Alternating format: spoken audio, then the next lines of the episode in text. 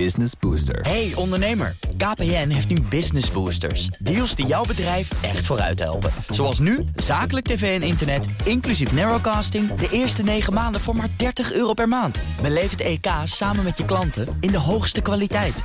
Kijk op kpn.com slash businessbooster. Business Booster. Te, zijn of juist niet? En wordt de macht van de Amerikaanse techreuzen te groot? Dat bespreek ik in het economenpanel vandaag bestaande uit Bas Jacobs, hoogleraar Economie en Overheidsfinanciën aan de Erasmus School of Economics. En Hans Tegeman, hoofd Research and Investment Strategy bij Triodos. Mijn zakenpartner is Marlies Moor, ondernemer en communicatie-expert in de retail. Welkom allen. Dankjewel. Laat ik, uh, Hans, uh, ik hoop dat jij er ook bent, beginnen met uh, de cijfers die gepresenteerd zijn door Europese landen en de economische cijfers die dan gaan over het tweede kwartaal. Duitsland min 10,1 procent, Spanje min 18,5 procent, de eurozone in zijn totaliteit 12,1 procent in de min. En dan hebben we Amerika, andere continenten uiteraard nog niet gehad, maar daar meten ze het ook een beetje anders. Dan kwamen ze uit op een min van dik 32 procent. Bas, ehm, verwacht, maar toch ook wel historische cijfers. Hoe heb jij ernaar gekeken? Ja, ik vind dit, uh, vind dit heel heftig. Uh, en ik moet eerlijk bekennen dat, dat het mij verbaast hoe laconiek de wereld hier naar kijkt. Want dit gaat echt veel en veel harder omlaag dan in 2008. En toen stond de hele wereld in, in rep en roer. En nu lijkt het blijkbaar gewoon te zijn dat we majeure, majeure crisis doormaken. En uh, die cijfers die we nu zien, die gaan echt heel hard omlaag. Uh, bedoel, ook, ook het eerste kwartaal waren we al aan het krimpen. En, maar hopen dat we in het, uh, in het, in het tweede helft van dit jaar het een beetje goed kunnen maken. Maar je moet niet raar opkijken als we uiteindelijk eindigen met min 10 tot min 15 procent voor de meeste ontwikkelde landen in één jaar tijd. Ja. En, en dat is ongekend. En daar schrik ik heel erg van. En ik heb eigenlijk het gevoel dat dit stilte voor de storm is die nog gaat komen. Want jij ziet dus ook geen herstel, waar wel veel over gesproken is, in het derde en het vierde kwartaal. Je ziet wel lichtpuntjes nu. Je ziet dat nou ja, die enorme dreun naar beneden, uh, die, die, die is opgehouden. We herstellen nu weer een beetje met. Uh, je ziet het aan de consumenten- en producentenvertrouwencijfers. Je ziet het aan de inkoopmanagers, indices, die veren weer terug. Je ziet het uh, ook, ook een positief ding is de werkloosheid. Die loopt maar heel matig op. ik heb het idee dat dat allemaal. Een beetje in, in, in bedwang gehouden door die maatregelen. Precies, dat komt door, die, door de noodpakketten die de overheid uh, niet alleen in Nederland, maar overal ter wereld heeft genomen. Uh, maar ja, ligt het dieptepunt achter ons? Ik weet het niet. Sentimenten lijken beter te, te worden. Maar je ziet nu ook het, het, risico op een tweede golf. Je ziet overal nu ook weer lockdowns afgekondigd worden. hoe, kom jij de, hoe, hoe, denk je dat dit komt? Is het een bepaalde naïviteit? Is, is de gemiddelde Nederlandse burger nog niet doordrongen van de ernst van de situatie? Nou, als je salaris gewoon door wordt betaald, dan maak je misschien nog niet zo druk. Maar het zou best kunnen dat op het moment is dat die, die, die steunpakketten voor de bedrijven of afgebouwd worden of minder genereus worden, dat veel meer mensen het gaan voelen. Ook als bedrijven uiteindelijk concluderen, misschien is het toch beter om de stekker eruit te trekken uh, en uh, iets anders te gaan doen. Dat dan pas de pijn uh, duidelijk wordt. Want we zien het nog niet echt in de werkloosheidscijfers. We zien het ook nog niet echt in de faillissementcijfers. Maar Bas, je zei, het verbaast me eigenlijk een beetje dat heel veel mensen daar zo laconiek over doen. Ondertussen is er vijf dagen en nachten vergaderd in Europees verband. Hebben alle staten noodpakketten op uh, op touw gezet. Uh, centrale banken staan in reddingstand. Zo laconiek is het toch allemaal niet? Nee, zeker niet. maar maar de, de, als ik, als ik zo een beetje om me heen kijk, dan heb ik het idee dat de paniek in de hoofden van de mensen met wie ik spreek een stuk minder is dan in 2008, 2009 toen de wereldwijde financiële crisis was. Het heeft misschien ook te maken met het feit dat we nu beter weten wat we zouden moeten doen. Uh, we zien nu direct dat centrale banken zijn ingestapt. We zien nu gelijk dat overheden zijn gaan instappen. We, bedoel, we hebben geleerd van die vorige crisis. En misschien uh, uh, tempert dat de, de pessimistische gevoelens wat. Hans, hoe is het met jouw gemoed gesteld? Um, nou, met mijn persoonlijke gemoed best goed. Um, maar even aansluitend bij wat, wat Bas zei. Um, het verbaast mij in die zin niet dat deze cijfers niet tot een schokeffect leiden. Uh, en dat is misschien een verschil met uh, de financiële crisis. Uh, we wisten dit en ongeveer de orde van grootte van deze cijfers eigenlijk ongeveer al vanaf begin april. en dit is een bevestiging van wat we, van wat we toen zagen gebeuren. En, en ongeveer in de richting van wat we eigenlijk al een paar maanden zien aankomen. Dus in die zin is het, is het geen nieuws. Ik ben het wel helemaal met Bas eens dat de, de omvang van deze cijfers en, en wat er denk ik inderdaad nog aan gaat komen uh, bij mensen persoonlijk, dat, dat dat nog wel eens wordt onderschat. Uh, want deze, dit kwartaal eigenlijk, het gaat over het tweede kwartaal, is eigenlijk volledig mondiaal opgevangen door centrale banken en, uh, en, en begrotingen van overheden. Waardoor de gemiddelde burger en, en ook zelfs de gemiddelde, het gemiddelde bedrijf ondanks dat hij niks te doen had en thuis zat, uh, nog niet de ultieme consequentie heeft, uh, heeft gemerkt. Ja. Nou, en, en, dat gaat nog komen. Ja, Hans, ik kwam uh, jouw naam tegen in een stuk van de NOS, waarin jij zei dat er altijd wel een zekere vertraging is in de economie. Als je kijkt naar bijvoorbeeld de banencijfers, maar dat die vertraging ook vaak groter is dan wordt gedacht. Hoe verklaar je ja, dat? Ik, nou, ik, ik moest ook terugdenken aan, aan de financiële crisis. Want toen hadden we ook in 2009, ook het hele jaar nog, volgens mij ook nog een stukje in 2010, zaten we maar te wachten op hogere werkloosheidscijfers, die maar niet kwamen. Um, want dat kwam wel. Uh, kijk, je, moet nadenken, de modellen van het Centraal Planbureau en andere instanties, die hebben gewoon een, bepaalde vertragingsstructuur uh, geënt op het verleden. Maar elke crisis kent zijn eigen dynamiek. Um, en ik denk ook dat deze crisis dus ook weer een, een, een andere dynamiek krijgt. Uh, die, die ons ook weer kan verrassen. Hè? Van, we hebben nu zien, gezien dat die, die werkloosheidscijfers uh, nou, nog nauwelijks toenamen. Dat faillissementen zelfs lager waren dan in, dan vorig jaar. Dat heeft natuurlijk alles te maken met, met overheidsinterventies. Maar stel nu dat dat pakket opeens, we weten het niet, het volgende pakket opeens uh, veel uh, minder royaal is, uh, wat ik vermoed. Maar ook dat bedrijven zich gaan herbezinnen of het überhaupt wel zinnig is om nog een pakket aan te nemen. Ja, dan kan, dan kan je opeens ook een versnelling. Hè, dus je hebt eerst normaal een hele lange vertraging, maar je kan opeens ook nog wel weer een versnelling krijgen. Ja. Bas, iedere crisis heeft zijn eigen dynamiek. Is de dynamiek van deze crisis niet voor een heel belangrijk deel afhankelijk van lockdown of geen lockdown? Uiteraard. Het hangt allemaal af van corona zelf. Ja. En ook dit wisten we vanaf het begin al. Namelijk dat uh, we weten niet hoe snel we uh, het virus onder controle krijgen met een vaccin.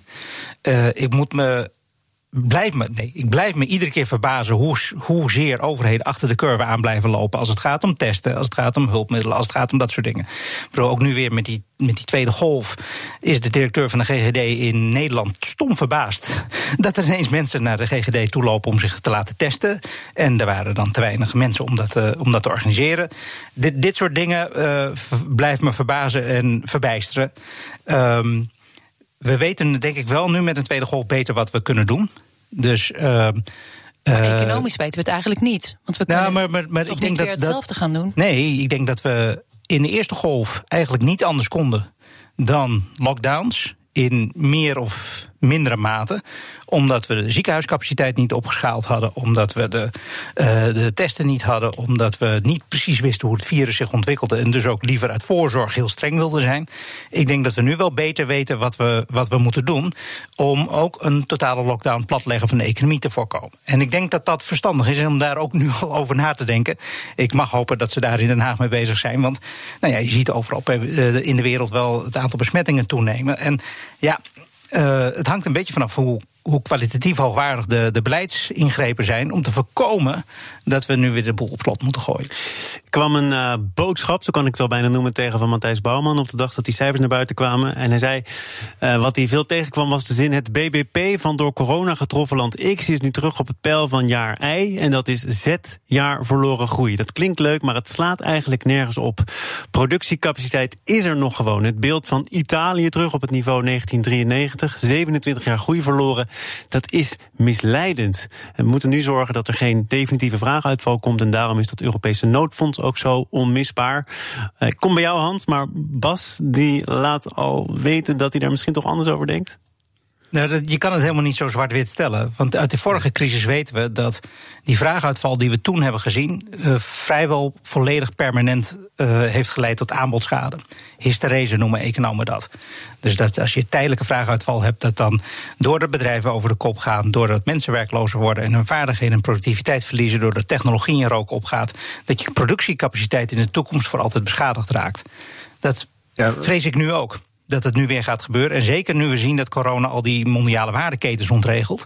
En dat al die toeleveringsrelaties ontregeld raken. Waardoor er denk ik een behoorlijke aanbodschok ook in de economie zit. En we moeten echt heel erg uitkijken dat het niet permanent wordt. Ja, dus je kunt niet zeggen dat de productiecapaciteit er nog gewoon is. Nee, ik denk dat die productiecapaciteit, de aanbodkant van de economie, een enorme klap krijgt door corona.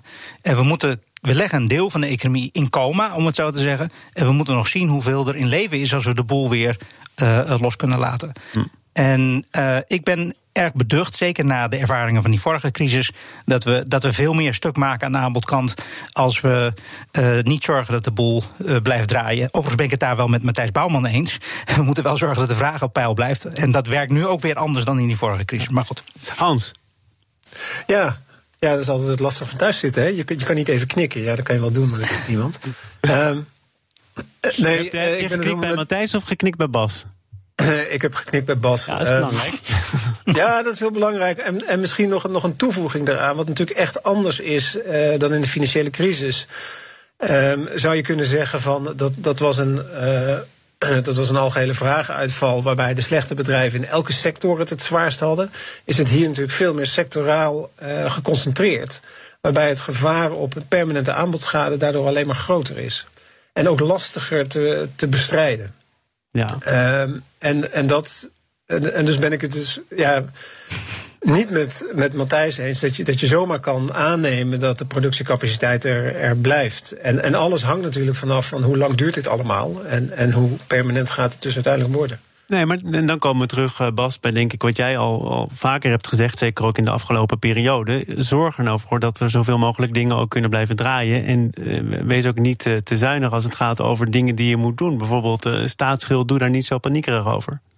Zeker, maar de, dit is niet een tijd voor, je zou kunnen zeggen, klassieke Keynesiaanse stimulering. Zoals bij de vorige crisis. Want als je de vraag gaat stimuleren, moet dat aanbod er zijn. En dat was er toen in overmaat. In die vorige crisis hebben we veel te zuinig gereageerd. Nu zitten er een aantal sectoren op slot of draaien matig. Of daar zijn dingen ontregeld in de waardeketens. Dus die kunnen niet per se leveren op het moment dat er meer vraag is. Daarom is het idee wat Willem Vermeend heeft gelanceerd. ik merk dat om, de, om, om, om, om, de BTW te verlagen. Niet zo verstandig, want je gaat dan de vraag in de hele economie naar alle goederen en diensten uh, stimuleren. Wat nu nog steeds belangrijk blijft, is mensen een inkomensverzekering bieden. op het moment dat ze hun baan verliezen. En dat is nu niet generiek over de hele economie. Maar dat is in allerlei sectoren verschillend, afhankelijk van de mate van die lockdownmaatregelen. Ik denk dat het bijvoorbeeld verstandig is om nu na te denken over het verlengen van de WW-duur voor mensen met een flexbaan. Die zometeen. Want daar wordt veel pijn geleden. Daar wordt veel pijn geleden. Ik denk ook dat je na moet denken als je een derde pakket overweegt voor uh, ondersteuning voor zelfstandigen. Daar, daar zitten, afhankelijk van de sector waarin mensen werken, uh, grote pijn. Dus je moet inkomensverzekering blijven bieden. Dat is iets anders dan stimuleren. Ja, want... En dat moet je dus gericht doen en niet met generieke maatregelen. Nee, dat stimuleren, dat is, ik wil toch ook even weten wat Hans ervan vindt. Misschien heeft hij wel geknikt of neergeschud. Bij Willem Vermeend, want die heeft in de Telegraaf gezegd, hij heeft goed gekeken naar Duitsland. Volgens mij zijn ze het in Italië ook van plan. Verlaag nou de BTW, dan, dan zorg je ervoor dat mensen blijven uitgeven. En dat geeft dan de economie weer een uh, stimulans. Nee, helaas vind ik Had ik ook precies dezelfde mening als Bas. Dit, dit, dit is anders. Um, om twee redenen, hè, wat Bas al aangeeft. Sommige sectoren kunnen gewoon niet regelen, uh, niet leveren. En dus je moet van de inkomenskant. Maar misschien moet je aan de andere kant toch wel bepaalde sectoren. Um, en dan denk ik bijvoorbeeld ook aan de cultuursector. Of, uh, die echt vanwege overheidsbeleid dicht zijn en die een maatschappelijk belang hebben. Die moet je misschien ook wel specifiek gaan steunen. Um, en dat is echt anders dan een generieke uh, vraagstimulering door middel van een btw-verlaging. Want dan, dan lekt heel veel weg uh, wat helemaal niet nuttig is ter bestrijding van deze crisis. Mag ik hier nog zaken doen? Het mag, Bas. Bas wil er nog op reageren. Ga ik, ik even zeggen wie je bent. Bas Jacobs, hoogleraar Economie en Overheidsfinanciën... aan de Erasmus School of Economics. Hans Tegenman, daar is hij mee in gesprek. Daar gaat hij zelfs op reageren. Hoofd Research en Investment Strategy bij Triodos. Beide lid van het Economenpanel. Mijn zakenpartner is Marlies Moor. Bas, aan jou. Ja, ik wilde nog even reageren op die, die, dat idee voor die btw-verlaging. zelfs als de sectoren uh, open zijn, dan is het nog niet gezegd dat mensen ook meer gaan uitgeven. Want als mensen stel dat er die tweede golf serieus wordt. mensen niet meer naar de winkel gaan. Ja, dan kan je alles in de winkel goedkoper maken. Maar dat wil nog niet zeggen dat het heel erg effectief is om, om de vraag aan te de gedachte dat mensen op prijs wel of niet gaan kopen. Ja, en, als een, en dat hebben we bij de eerste lockdown wel gezien. Ik bedoel, ook winkels die nog gewoon open waren, hadden nauwelijks klanten omdat mensen de winkel niet in durfden, omdat ze bang waren. Volgens mij kwamen er niet ook vorige week in retailcijfers van CBS, detailhandelsverkopen, dat die ook historisch gegroeid waren de afgelopen maanden. Het verschilt ook qua, eh, qua segment, hè? Zeker. Kijk naar modeschoenen, zo is het dramatisch slecht. En maar alles waar je fysiek moet zijn, ja, dat, uh, dat is ingewikkeld. Maar kijk naar de online retailers. Dus uh, de bol.com, Amazon, uh, noem maar op. Groeien, die, die, Dat groeit als kool nu. Dus als je naar het geaggregeerde cijfer kijkt, moet je daar denk ik onderscheid in maken. Ja, maar dat, dan zie je ook nog wel substitutie van bijvoorbeeld horeca naar retail. en dat soort effecten. En, en gedragseffecten van mensen die meer thuis zijn, die toch meer gingen klussen en een ander bankstel gingen nemen. Dus dat, dat zag je ook terug in die cijfers. Maar structureel betekent dat volgens mij niet zo heel veel. Wat zag jij terug in de cijfers van de oliebedrijven? We zijn eindelijk naar een ander onderwerp. Het is toch gelukt. Shell bijvoorbeeld. Daar hebben ze een historisch verlies geleden, nu we toch historisch bezig zijn. Je zou bijna kunnen zeggen, daar ging de laatste aflevering van Beurswatch over. De voormalige goudhaantjes, de oliebedrijven, gasbedrijven. Eh, die leggen het nu definitief af tegen de techbedrijven. Zie jij dat ook een beetje zo, Hans? Ja, nou, nou, tegen de techbedrijven zeker. Uh, wat, wat je afgelopen week zag bij de cijfers van, uh, van Total, Shell, uh, Eni, is, is vooral ook forse afschrijvingen op bijvoorbeeld de, de, de teerzanden. waar het oliewinnen toch, toch best duur is. Hè. Een olieprijs van, van rond de 80 dollar heb je daar meestal voor nodig. En zij gaan er in ieder geval dus zelf in hun eigen berekeningen van uit dat, dat die tijd voorlopig niet meer terugkomt. En misschien wel helemaal niet meer. Ja. En dat, dat is toch wel een teken dat, dat we wel een uh, richting kan nog eh, tientallen jaren duren, maar wel richting een einde van een bepaald tijdperk gaan. Nou, Marlies, ik wil jou toch het podium geven. Want jij trapte deze uitzending af met wat voor jou belangrijk nieuws was. Kan je ook aan deze economen nog even voorleggen of dat echt iets gaat betekenen? Nou ja, er stond een artikel in het FD vanochtend dat de Deutsche Bank een aantal investeringen voor aard- en gaswinning in, uh, bij de Noordpool, daar in de Baltische, nee, in de Barentszee, niet meer wilde uh, meegaan in die investeringen. Nou, ik vind het op zich heel positief nieuws. Het werd gebracht als een klein bericht, pagina 10. Um, maar het is natuurlijk wel, vind ik, een van de dingen die je terug gaat zien in die hele neerwaartse trend. Of is het marketing, Bas? Van een bank die zegt, nou, Deutsche Bank, lastige jaren achter de rug. We gaan ons blazoen een beetje oppoetsen door te zeggen dat dit soort uh, investeringen, dit soort projecten er niet meer voor ons zijn. Ik denk dat ook na al die lastige jaren het voor de Deutsche Bank nog maar om één ding gaat. Nog steeds. Het gaat over de munten, ook daar. en um, de, ik denk dat, dat het terecht is dat die financiële sector nu heel goed kijkt naar oliebedrijven en allerlei andere bedrijven die in fossiele industrie uh, uh, zitten. Uh, of, die, of die financiering nog wel houdbaar is op langere termijn. Want als het zo is dat, nou, nu corona geeft natuurlijk een enorme dreun op de olievraag. Uh, bedoel, de, de luchtkwaliteit is zienroog aan het verbeteren. Doordat we minder vliegen, minder rijden, noem maar op. Uh, die, maar die sector is natuurlijk op lange termijn uh, natuurlijk onder grote druk vanwege de klimaatafspraken die, die we wereldwijd hebben gemaakt. Dus dat die financiering penibeler wordt en is geworden door corona is heel acuut. Maar ik denk dat het op langere termijn ook een probleem is. En dat de financiële sector hier duidelijk uh, op let. Want ja, je loopt zomaar tegen grote verliezen op vanwege het financieren van bedrijven die niet meer overleven in de toekomst. En dat is natuurlijk iets wat Triodos al op veel langer doet, toch Hans? Zeker, zeker. Nou, kijk, daarom is het voor ons ook heel makkelijk praten. Hè? Ook, ook als je kijkt naar, naar de prestaties van, van uh, onze fondsen. Wij zitten niet in olie en, en gas. Um, en doordat die bedrijven heel hard gedaald zijn en ook het, in het herstel zeg maar, van, vanaf 23 maart uh, nauwelijks meededen, uh, zorgt dat voor relatief goede prestaties van onze fondsen. Um, maar het is inmiddels veel breder. Je, je ziet uh, Deutsche, maar uh, de meeste partijen vooral ook met een risicobril kijken, waarbij we dat meestal met een ethische bril doen. Met een risicobril kijken naar olie- en gasbedrijven en daar toch wat, uh, wat voorzichtig mee. Ja, Precies wat Bas zegt, dat heeft ook te maken met de duurzaamheidstransitie. Ja, maar, maar Hans, uh, dit is natuurlijk een van jouw thema's al heel wat langer. Hè. Stimuleren we nou de oude economie of gaan we echt inzetten op de nieuwe economie? Volgens mij ben jij daar toch ook wel enigszins somber over. Hè? We vliegen minder, we reizen minder. Maar op het moment dat het weer kan, dan zijn er heel veel mensen en dus ook bedrijven die daar toch weer van gaan profiteren, omdat ondanks dat er sprake zou moeten zijn van een reset, iedereen toch weer doet wat hij al deed? Nou, kijk, kijk, ik kan wel iets vinden. Maar we hebben ook een economisch systeem en we hebben gevestigde belangen. En um, wat je ook ziet gebeuren, de, wat Bas net zei, ja, de, luchtkwaliteit was beter uh, in, uh, met name ook in, in China in februari, maart. Maar inmiddels is het alweer slechter dan daarvoor.